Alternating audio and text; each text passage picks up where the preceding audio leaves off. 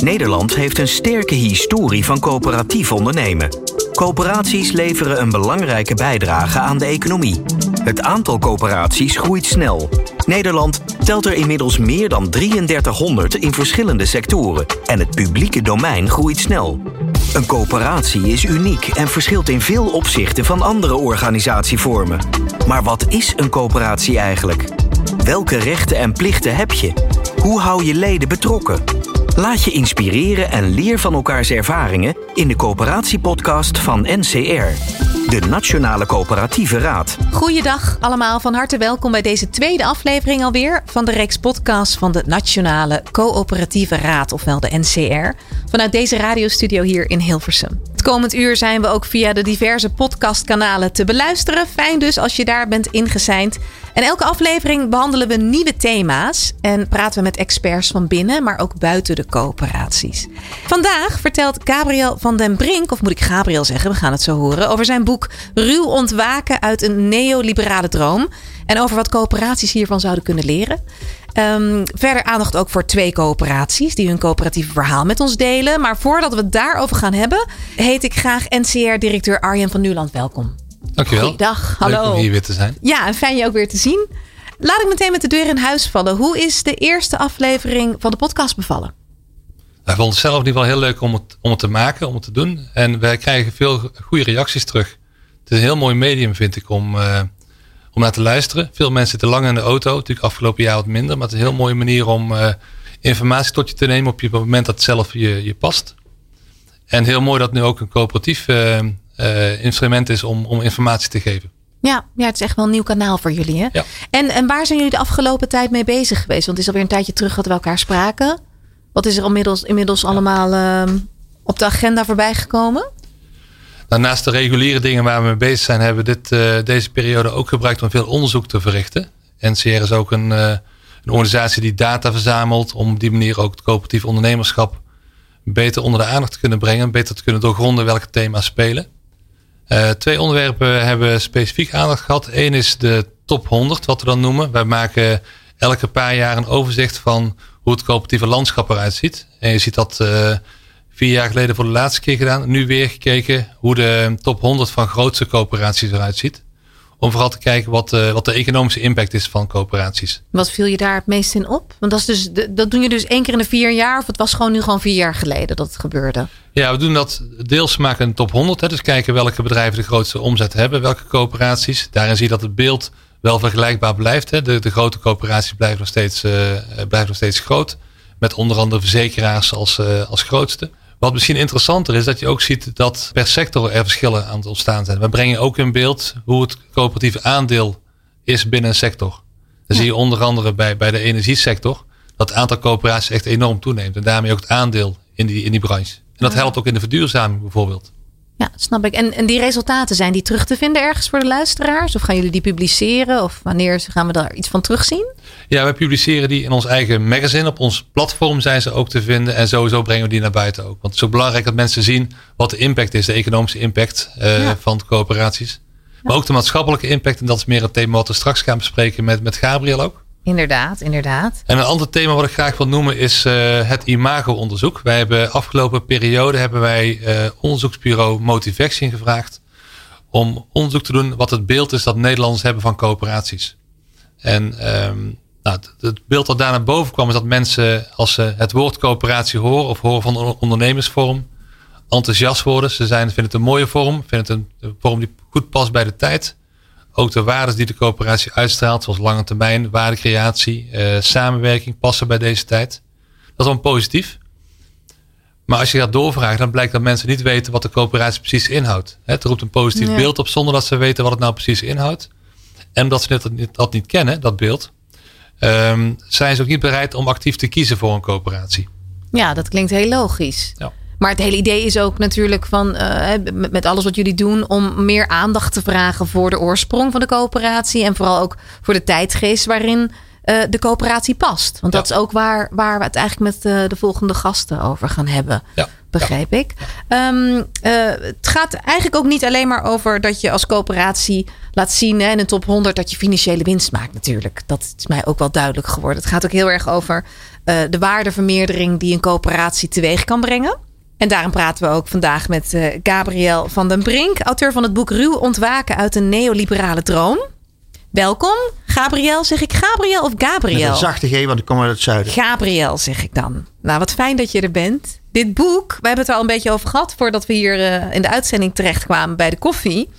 Um, je hebt het geschreven en je hebt uh, ons meegenomen via een aantal filosofische en economische inzichten die je hebt uh, ontwikkeld in de opkomst van het liberalisme in de westerse samenleving. Wat kun je ons daar meer over vertellen? Het boek is inmiddels aan de vierde editie toe, hoorde ik net. Ja, ik kan natuurlijk een hele middag over praten, maar dat is de bedoeling niet. um, uh, kijk, het liberalisme, de liberale samenleving is al heel oud. En ook zeker in Nederland.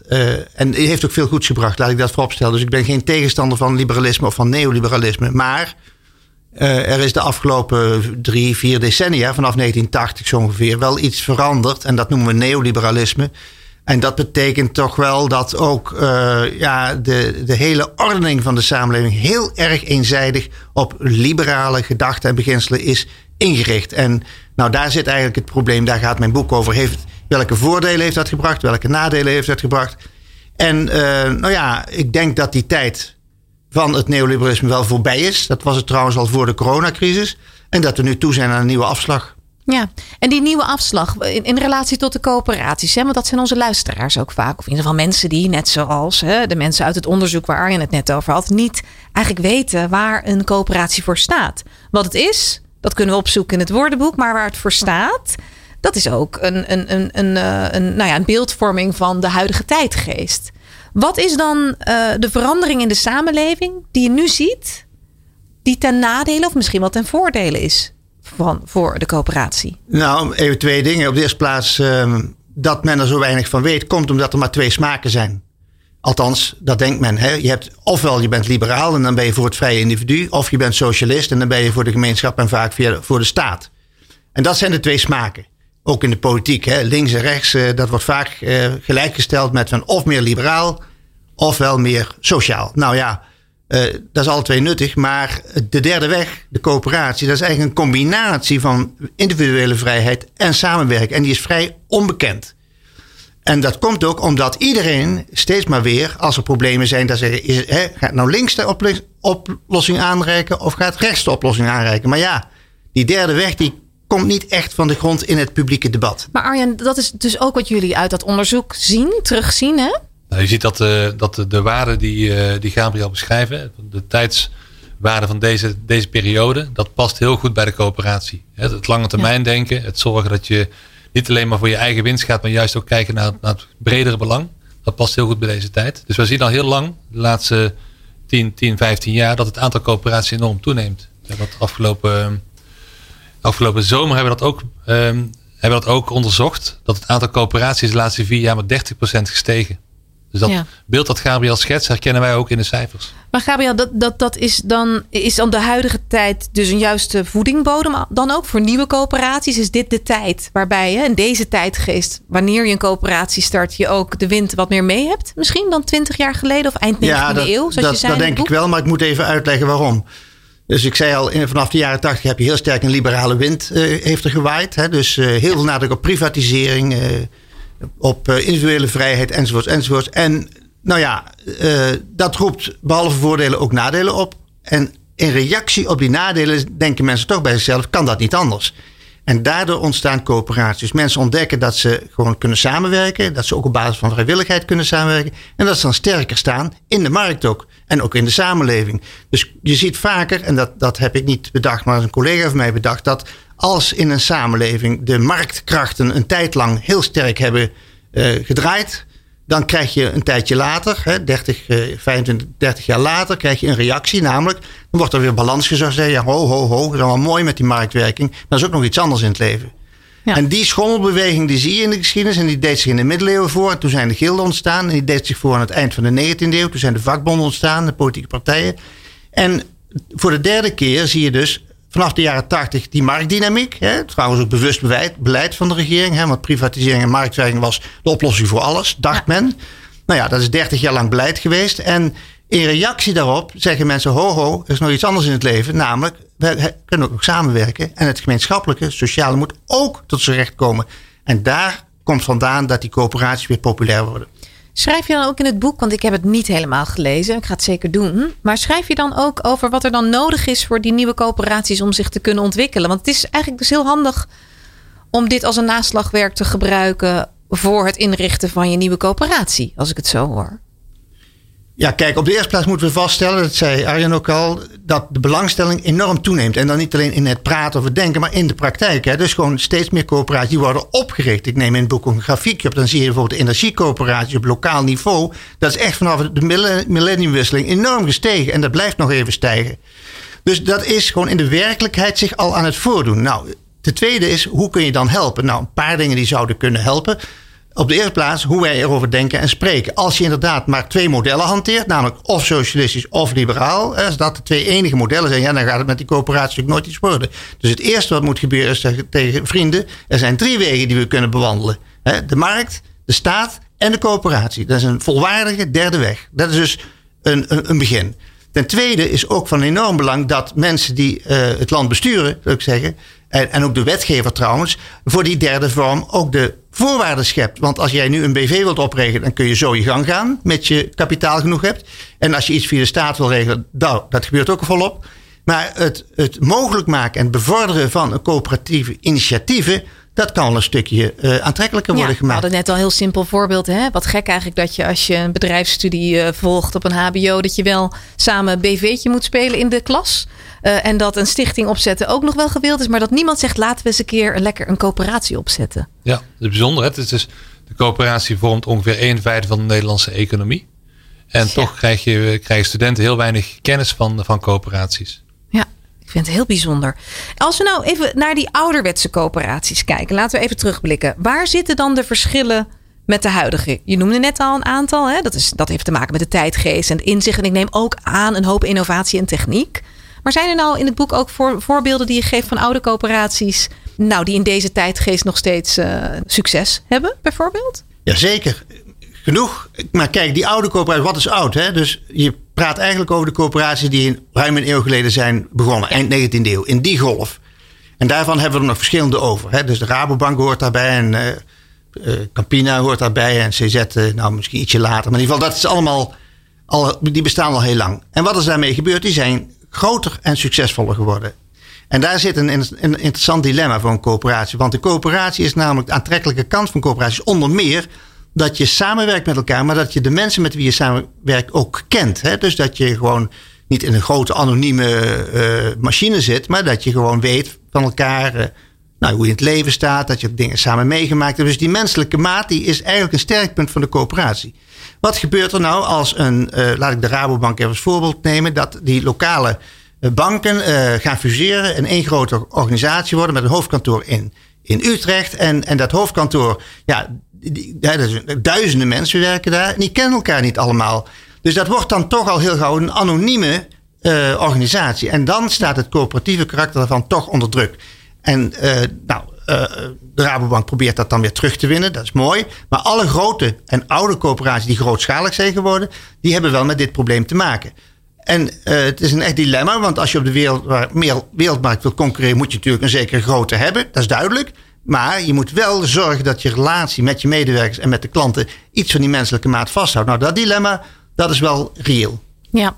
Ja. Je ziet dat, dat coöperatie die past zich aan aan de, aan de tijdsgeest ook. Hè? Dus uh, wat Gabriel zegt, die, die wat oudere coöperaties die zijn vaak, uh, vaak lokaal ontstaan. Regionaal geworden, landelijk, soms internationaal inmiddels ook. Maar ook door die, uh, door die beweging naar meer liberalisme zijn ze ook zelf ook meer, steeds meer op het economische georiënteerd geraakt. En ik ben benieuwd, Gabriel, hoe jij tegenaan kijkt hoe die coöperaties ook zich zouden kunnen ontwikkelen in de toekomst. Om ook die, pendule zoals jij beschrijft in jouw boek, hè, tussen enerzijds competitie, anderzijds coöperatie, dus meer ook op samenwerking gericht als je ziet dat veel van die gevestigde coöperaties uh, sterke economische partijen zijn geworden, zouden zij zich ook meer uh, moeten aanpassen naar, dat, naar die beweging waar veel nieuwe coöperaties nu weer ontstaan? Meer het gericht, gezicht naar de maatschappij gericht in plaats van meer naar de onderneming? Laat ik het zo zeggen. Het hangt een beetje af van de intelligentie van de, van de bestuurders. Je hebt natuurlijk bestuurders die zeggen: ja, we hebben een succesvol groot model, grootschalig. we zijn doelmatig, we maken mooie winst, dus dat houden we zo.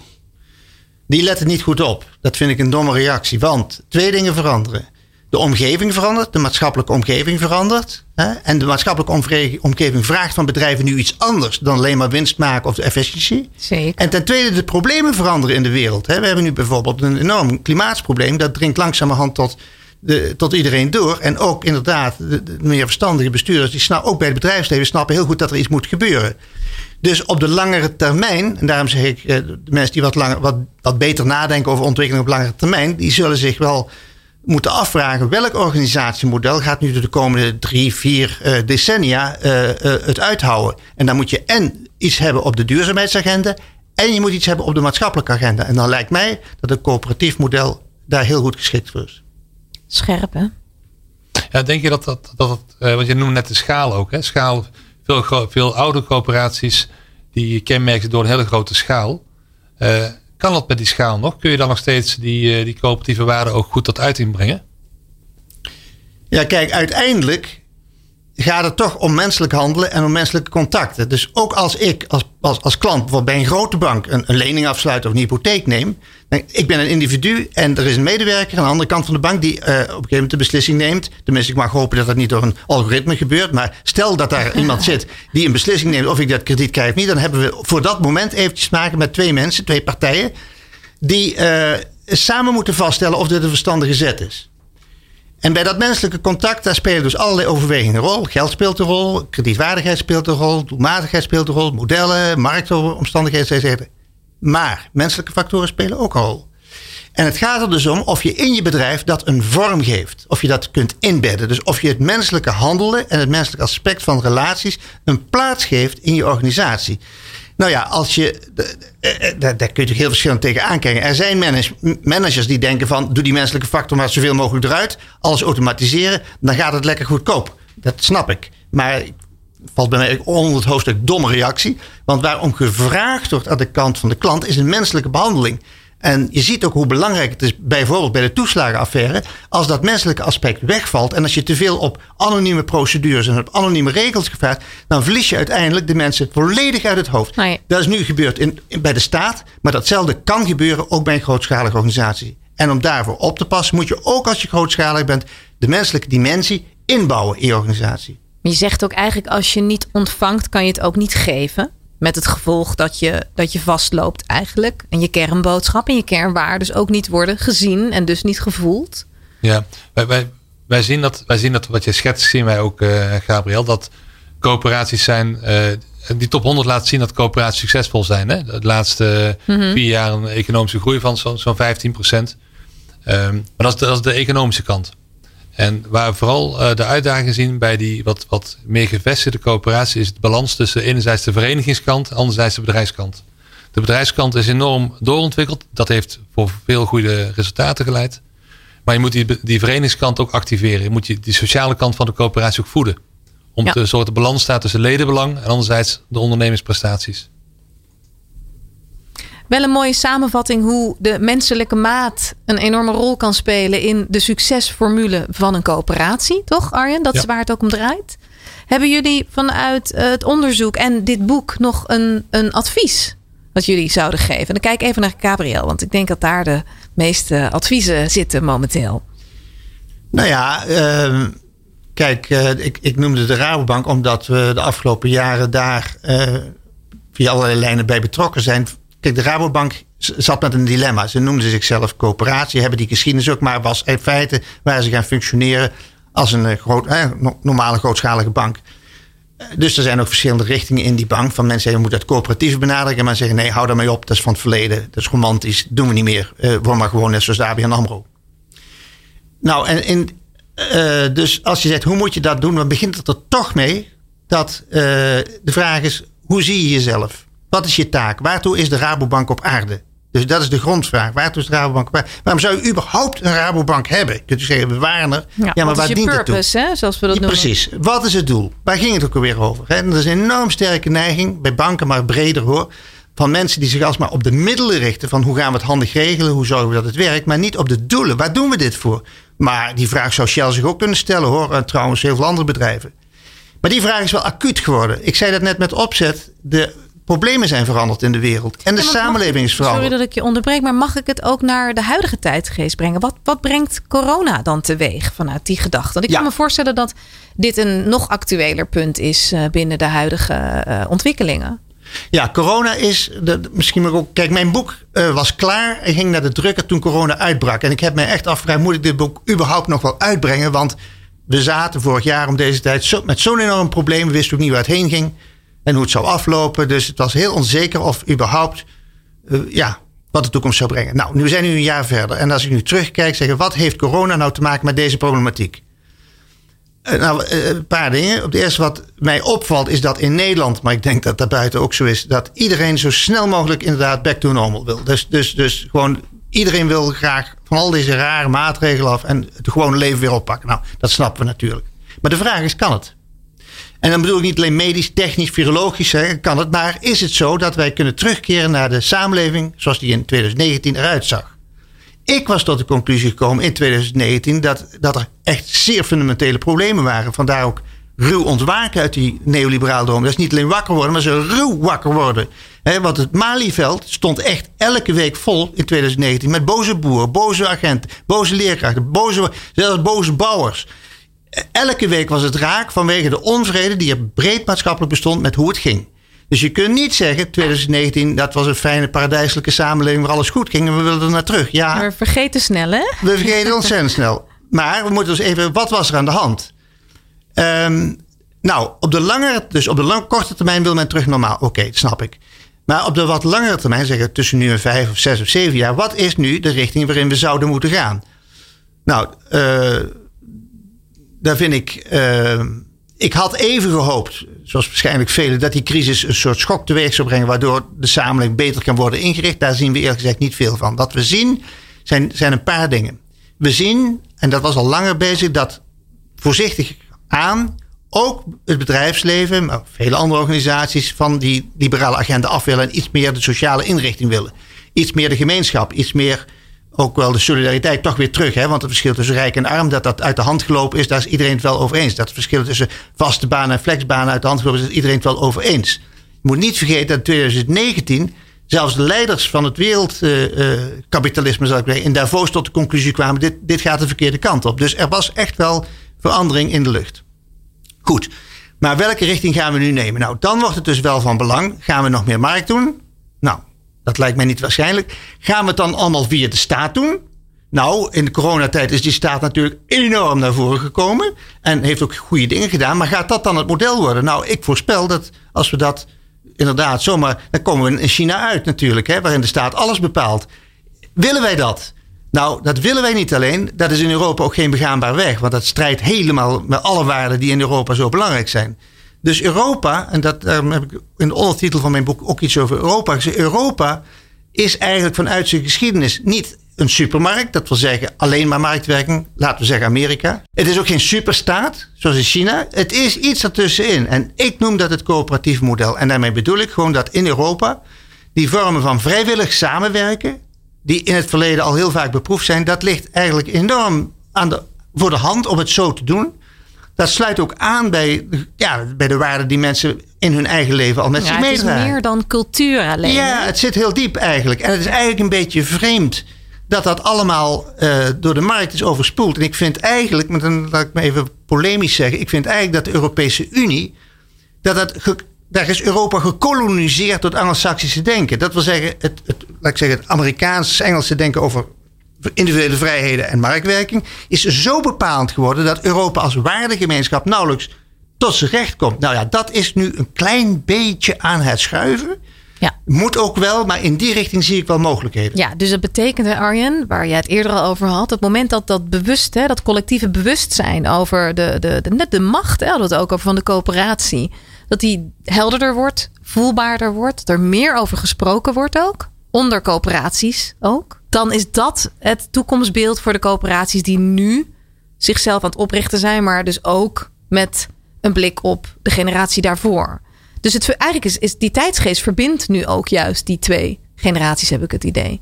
Is, is, dat, is dat wat er nu zich aan het ontwikkelen is, mede door corona en door, door misschien ook meer de, de, de analyse van het individu en, en de waarde van, van samenwerken? Gabriel die schetst ook de kwetsbare kant van de samenleving. Hè? En dat is, ik denk voor die groepen kan een coöperatie juist een enorm belangrijke meerwaarde zijn. Zelforganisatie, doordat je samenwerkt kun je, uh, kun je krachten creëren. En dat, ik denk dat juist in de nieuwe tijd, hè, waarbij we dus uh, ook voor die groepen proberen om, uh, om zich te laten ontplooien, om, om zich te laten, alle, alle dingen die ze willen ontwikkelen, om dat, dat ook te faciliteren, kan een coöperatie een belangrijke rol bij spelen. Dus ik hoop dat, dat, dat deze nieuwe tijd, hè, ook voor juist voor die, die groep mensen die het al lastig heeft, hè, die steeds op het, op het Malieveld stond, dat we daar ook een, een coöperatief antwoord op kunnen vinden. Nou, Gabriel, hartelijk dank voor het delen van deze waardevolle inzichten en voor het mooie boek. Het is nog steeds te koop, begreep ik, toch? Online en ook via de coöperatieve boekhandel. Want daar moet je dan natuurlijk zijn. Voor het boek, toch? Arjen? Ja, net hadden het over veel nieuwe initiatieven die uh, coöperatief uh, van de grond uh, komen. En een ervan zijn coöperatieve boekhandels. Nou, dus lokale aan. boekhandels die samen met hun klanten een coöperatie vormen. Nou, hup Ik zou het daar kopen. Ja, nou inderdaad. Dat is duidelijk uh, mensen. Nou, hartelijk dank. Wij spreken elkaar zo meteen nog eventjes. Um, we gaan namelijk door naar het volgende onderwerp. Nu in de studio twee coöperaties. Die vertellen over hun coöperatieve verhaal en ontstaanswijze. Om precies te zijn, Hans Stapel, welkom. Je bent manager coöperatieve zaken van Coop Supermarkten. En naast jou Monique Zweep, directeur van het Zuid-Hollandse Delta Wind. Welkom. Want ja, coöperaties, dat is een uh, bijzondere ondernemingsvorm. Hè? Dat ja. heb ik al eerder gehoord hier. Vaak ook met een bijzonder verhaal. Monique, vertel eens, hoe, hoe lang bestaat uh, Delta Wind nu? Delta Wind bestaat ruim 30 jaar. En wij zijn ontstaan in de tijd dat uh, uh, Chernobyl uh, de ongeluk plaatsvond en Club van Rome rapport werd gepubliceerd. Turbulente tijden. Ja, turbulente tijden. waarschuwingen voor wat, hè, wat we de aarde aan het aandoen waren. En we hadden lokale ondernemers, of ik moet zeggen lokale ehm, burgers die vonden dat ze daar echt zelf iets aan moesten gaan doen. Ja, want daar is jullie coöperatieve verhaal begonnen. Dat klopt, ja. ja. Um, een van onze inwoners die verkocht uh, kleine windturbinetjes aan, uh, aan agrariërs. En die realiseerden zich dat je voor pakweg uh, 80.000 gulden in die tijd een turbine kon kopen. En hij dacht, waarom doe ik dat niet met een aantal mensen hier op het eiland? Slim. Dus uh, Goeree-Overflakkee is natuurlijk een duidelijk afgebakend gebied. Dus we gaan, laten we kijken of we dat met elkaar kunnen oppakken. Ja, en wat was, um, was dat meteen een succes? Eh, hoe, hoe is dat ontwikkeld? Wat is daar ja, opvallend um, aan geweest? Een, een, een, belangrijke stap die is genomen is dat uh, de energie moet natuurlijk verkocht worden van zo'n uh, van zo'n molen. En toen zijn ze bij de lokale energiecoöperatie of de energiebedrijf terechtgekomen, wat destijds nog bestond. En die zei: Ja, het is wel leuk, duurzame energie, maar wie wil dat afnemen? Dus laat jullie maar zien dat er honderd mensen zijn die dat willen afnemen. Nou, dat is de start van de coöperatie geweest. Of van de keuze om uh, het dus in een coöperatie te gaan organiseren. Zodat iedereen uh, mee kon praten. Want die honderd partijen die waren zo bij elkaar? Ja, dat is de echte kwestie geweest van huis aan huis uh, het verhaal vertellen. En overal waar je kwam het, het, ideaal vertellen van wij gaan onze eigen duurzame energie realiseren. En dat, dat kunnen wij. En daarmee maken wij ons ook los van grote energiebedrijven. Dus we worden zelfstandig. Mooi, die zelfstandigheid uh, vanuit de, de, de core uh, van de wens, hè, dat wens. Ik kijk even naar jou, naar jou Hans, want wat is het? Uh, iedereen kent de koopsupermarkt wel zo'n beetje, mag ik wel zeggen in Nederland, hoop ik. Waar is jullie verhaal begonnen? Wat is het verhaal van de nee, coöperatie? Ik kan er 100 jaar aan toevoegen, dus 130 jaar geleden, 1891. Daar kun je zeg maar ons huidige bedrijf terugvoeren tot een coöperatie die toen is opgericht. Maar het was eigenlijk meer een beweging in die periode. Uh, een coöperatieve beweging van arbeiders die zelfstandig levensmiddelenwinkeltjes begonnen. Echt winkeltjes. Dat deden ze samen. Uh, met als primair doel te voorzien in betaalbare levensmiddelen en betrouwbare levensmiddelen. Je praat over een tijdperk waarin er sprake was van urbanisatie. Uh, mensen gingen het ook aan de stad. kapitalistisch ondernemerschap, industrialisatie. Uh, in de fabrieken verdienen de arbeiders echt hongerloontjes. En mochten dan ook nog eens verplicht in de fabriekswinkel hun levensmiddelen kopen. Daar waren ze klaar mee, zeg maar. En ze hebben ze elkaar verwonden. Ze hebben zich geëmancipeerd, zou je kunnen zeggen. Wij zijn wel ja. bij geholpen door de progressieve elite vaak. Dominees, onderwijzers, uh, artsen. En, en zo zijn er kleine celletjes eigenlijk ontstaan. Kleine coöperatieve bedrijfjes in levensmiddelen. Daar liggen onze wortels. Ja, het is mooi. En, en eigenlijk is dan in één keer, eh, besef ik dat 100 jaar helemaal niets is. Als je kijkt naar de ontwikkeling vanuit daar naar waar Koop nu staat. Maar dat geldt misschien voor een Delta Wind ook wel. Valt mij op dat die coöperaties in vrij korte tijd toch wel zijn opgekomen. Hoe, hoe zit dat dan uh, nu met de huidige tijdsgeest? Kijk ik even naar jou, Monique. Wat, wat is er veranderd en hoe ga je om met de huidige tijdsgeest dan? Want dit is heel duidelijk. Hè? Er was toen nog niets eigenlijk en dus kwam er iets. Het is heel plat. Maar nu zijn we toch wel uh, ja, in een versnelde economie gekomen. We zijn in een versnelde tijdsgeest beland. Wat voor effecten heeft dat op uh, Deltawind gehad? Um, onze eerste coöperanten die waren zich heel bewust van de doelstelling van de coöperatie. En die, die, die realiseerden zich ook waarom ze het deden. Um, wij bouwen windturbines in handen van de lokale bevolking. Uh, en in onze specifieke situatie, windturbines zijn niet uh, altijd even geliefd. Dus wij realiseerden ons, of mijn voorgangers moet ik zeggen, realiseerden zich dat als je, als je zoiets als een windturbine geaccepteerd wil krijgen, dan moet je ook zorgen dat iedereen daaraan mee kan doen. En dan hoef je niet per se die hard duurzaam te zijn, maar dat je in ieder geval kan zeggen van het zijn rotdingen, maar ze zijn wel van ons.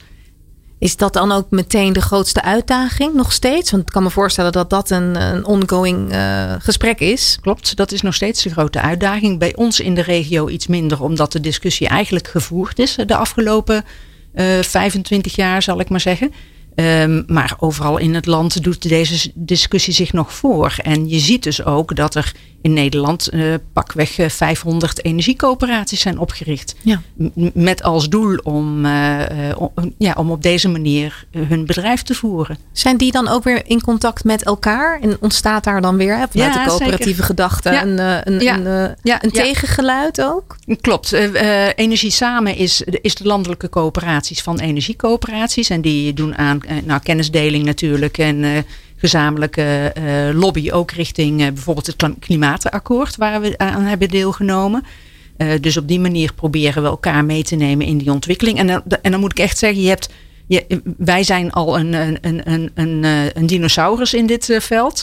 je hebt ook clubjes die, die nog maar heel klein zijn, maar wel met dezelfde intentie ja. dit doel na. En de, de, de uitdagingen, de grote uitdagingen zijn natuurlijk voor jullie allemaal hetzelfde. Want, want hoe zit dat bij Coop? Wat zijn daar de grootste uitdagingen die nu door de tijdsgeest worden voorgeschreven?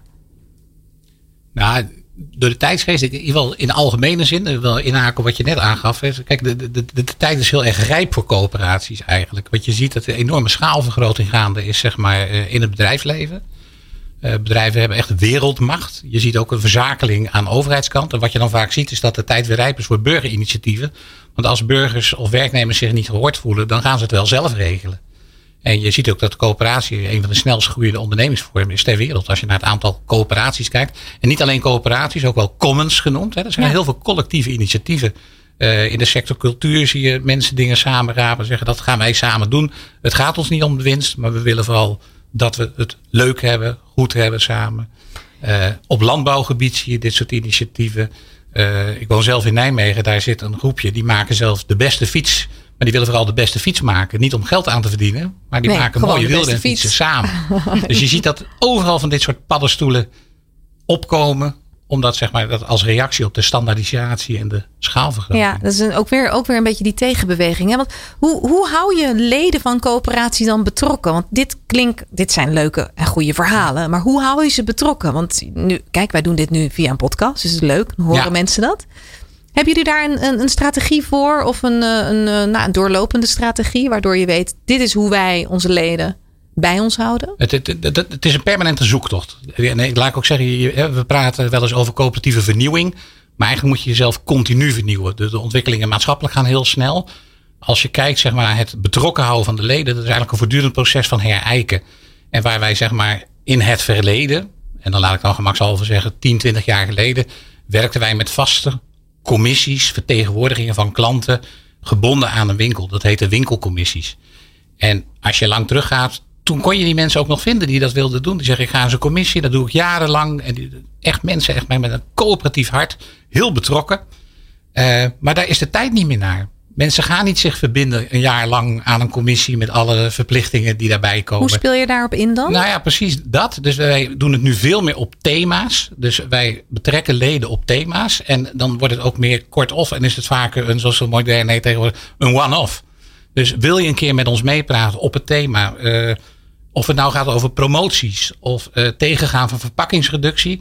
Dan lukt het ons gelukkig heel goed om mensen te bereiken die daarover mee willen praten. En dan hou je op die manier een grotere diversiteit van leden die mee uh, praten.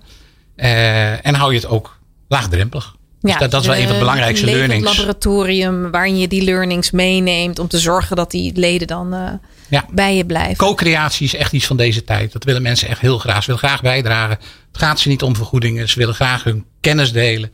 Dus daar profiteren we graag van. Uh, op Snap die ik. Ja. Zeker als je, als je in, die, uh, in die branche zit. Want Monique, bij jullie, de, de, um, de grootste uitdagingen die zijn denk ik uh, wel helder. Die schetste je. Maar hoe houden jullie, de partijen en jullie leden, betrokken op een maniertje nou, waar, je, waar je tevreden mee bent? Nou, ik herken me in wat Hans zegt. Je, je bent continu aan het zoeken wat, je, wat je kan doen. En een van de vormen die wij een aantal jaren geleden hebben ontwikkeld is het, uh, het zaterdagochtendontbijt.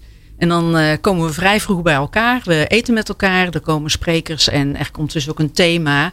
Wat, wat echt te maken heeft bij, met een besluit wat de coöperatie moet gaan nemen. Dus het is een soort, wij noemen het een ledenraadpleging. Om mensen mee te laten praten. En dan uh, op een leuke manier. Hè. Het is eenmalig. Uh, bij de ene zie je weer andere mensen binnenkomen dan bij de andere onderwerp. En op die manier merken wij dat we steeds meer leden bereiken bij, uh, bij de besluitvorming. Ja, want je hebt elke keer dus een nieuw comité dat aan tafel ja, zit. Ja, je, het is gewoon een open uitnodiging. Uh, uh, deze keer hebben we het over energie uit zeewier. De volgende keer hebben we het over duurzaam pakketvervoer. En, en op die manier, ja, degene die daar interesse in heeft, die sluit aan. En soms ook mensen die nog niet zo betrokken zijn bij de coöperatie, die bijvoorbeeld een eigen bedrijf hebben die daar verband mee houdt. Dus ook, ook ook maken we onze kring daardoor uh, groter. Door... Want dat is vrij intiem, hè? Hoe, hoe, doen jullie dat eh, vanuit de koop? Want dan heb je misschien iets meer partijen waar je mee te maken hebt. Hoe, hoe, hoe zoek je dan die verbinding op? Want dit is een heel helder ja, voorbeeld. Hè? We gaan ontbijten samen. Maar als je dat met de koop wil doen, dan denk ik dat we van de, dan een groot hotelketen moeten afhuren om uh, iedereen aan tafel te krijgen. Maar ja, precies dat. 750.000 leden. Dus dat is een heel ander verhaal dan bij jullie coöperatie natuurlijk. En die, het is een illusie om al die 750.000 leden betrokken te houden. Uh, het gros van onze klanten herkent ons als coöperatie. Maar het gros van onze klanten heeft ook moeite om te duiden hoe dat dan in elkaar zit. Dus je hebt te maken met een relatief kleine vertegenwoordiging van mensen die echt het coöperatieve verhaal snappen en daaraan willen bijdragen. Maar wij zijn heel gelukkig met het feit dat we hebben een digitaal panel. Daar zitten een kleine 10.000 mensen in. Dan zou je kunnen zeggen op 750.000 is dat misschien niet zoveel, maar het is echt heel veel. Daar leggen we onderzoeken voor en daarmee komen echt gewoon relevante en, en uh, ja, hoe zeg je dat? Statistisch significante uitkomsten die ons helpen, zeg maar, in onze koers en onze beleidsvoering. Dus en je ziet de resultaten daar ook van terug? Merk ja, ja dat, dat, en dat is ook wezenlijk. Hè? Want als je dat niet doet, dan haken die mensen ook af. Precies. Dus ze, ze, ze helpen richting te geven. Ze dragen op die manier bij uh, aan een betere supermarkt. Dus dat is de basis uh, voor hun. Uh, dus ja, dat met name. Dus niet de illusie hebben dat je ze alle 750.000 actief krijgt. Overigens is dat wel een spoor waar we naar kijken. Niet alle 750.000, maar er komt uh, in de loop van volgend jaar, hoop ik, een app. Een app waar we echt ook, zeg maar, dat niet alleen voor het ledenvoordeel is. Hè, zeg maar het individuele klantvoordeel wat je daarop gaat uh, presenteren. Maar dat willen we ook gebruiken als platform. Waar klanten ook zeg maar, gewoon via hun telefoon kunnen bijdragen. Maar ook zeg maar, de resultaten van de coöperatie beter kunnen gaan zien. Dus ja, je zoekt ze eigenlijk uiteindelijk één op één op. Ja, precies. En dan heb je ook al meteen de uitwerking daarvan. Dus hebben jullie dan ook het idee um, dat er nog nou, een, een ideale wereld, wat wil je nog meer bereiken? Wat je nu doet, heeft zo zijn effecten, hoor ik bij jullie. Maar is er nog een, uh, een groter goed, een groot doel? Nou, heel specifiek denk ik voor onze coöperatie.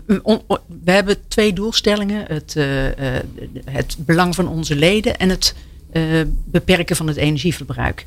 En met name dat laatste is natuurlijk iets wat, uh, wat veel breder is dan onze coöperatie. Dus wij hopen met onze coöperatie de inspiratie te kunnen zijn voor mensen op het eiland in de, in de hele verduurzaming, in de warmtetransitie waar we in Nederland met z'n allen mee bezig zijn. Dus Of dat nou mensen zijn die lid willen worden, hè, dat zou leuk zijn, want dan kan je ze makkelijk betrekken.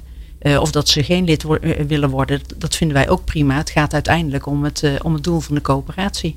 Ja, dus heel helder en uh, strak omlijnd uh, bij Delta Winten. Hoe zit, dat, hoe zit dat bij Koop? Want daar is het. Ik denk dat de gemiddelde Nederlander ook wel weet dat het een coöperatie is. Maar als we gaan vragen, leg het eens uit. Daar hadden we het al eerder over met Arjan. Dan wordt het lastig. Ja. Wat is voor jullie nog uh, een, een hogere doelstelling die je wil behalen? Nou, een hogere doelstelling. Kijk, van heel groot belang is schaalgrootte. Als wij als coöperatie groter worden, hè, we zijn ja, een betrekkelijk kleine speler als je het afmeet tegen de marktleider Albert Heijn. Wij zitten rond de 4% marktendeel. Albert Heijn zit rond de 37, meen ik. Dan, dan heb je als kleine speler een stukje achterstand. De schaalgrootte helpt ons om de dingen beter te doen. Dus dat, dat is natuurlijk een primaire ambitie. Dus dat is een redelijk bedrijfsmatige ambitie ook. Het, het moet groter, het moet efficiënter, zodat we het beter voor de leden kunnen doen. Meer dingen zelf kunnen doen, minder afhankelijk worden. Dus dat, dat, daar zit denk ik een kernambitie uh, voor co-op. Nou, mooi. Ik heb wel het idee dat jullie eh, allebei vrij tevreden coöperatieve uh, uh, mensen zijn. Dat, is, uh, dat doet me goed. Ja. ik denk ook mooi om te horen voor de luisteraars wat jullie verhalen eigenlijk zijn. En, en vanuit waar jullie zijn vertrokken en waar jullie nu zijn. Um, ik wilde jullie nou ja, danken voor, voor jullie inbreng.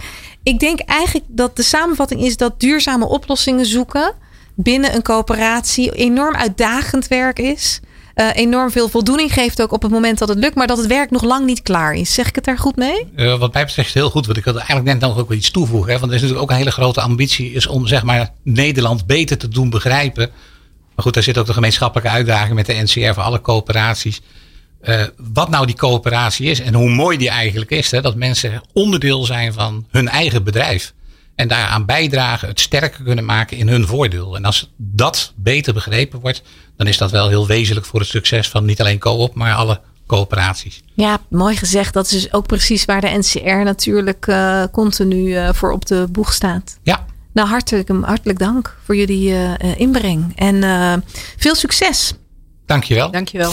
Samen staan ondernemers sterker. Ontdek de kracht van de coöperatie en luister naar alle afleveringen van de coöperatiepodcast van NCR. We gaan het hebben over 3 juli. Een speciale dag, wereldwijd voor alle coöperaties. En daarover praat ik vandaag met jou, Arjen van Nuland, directeur NCR. Goeiedag.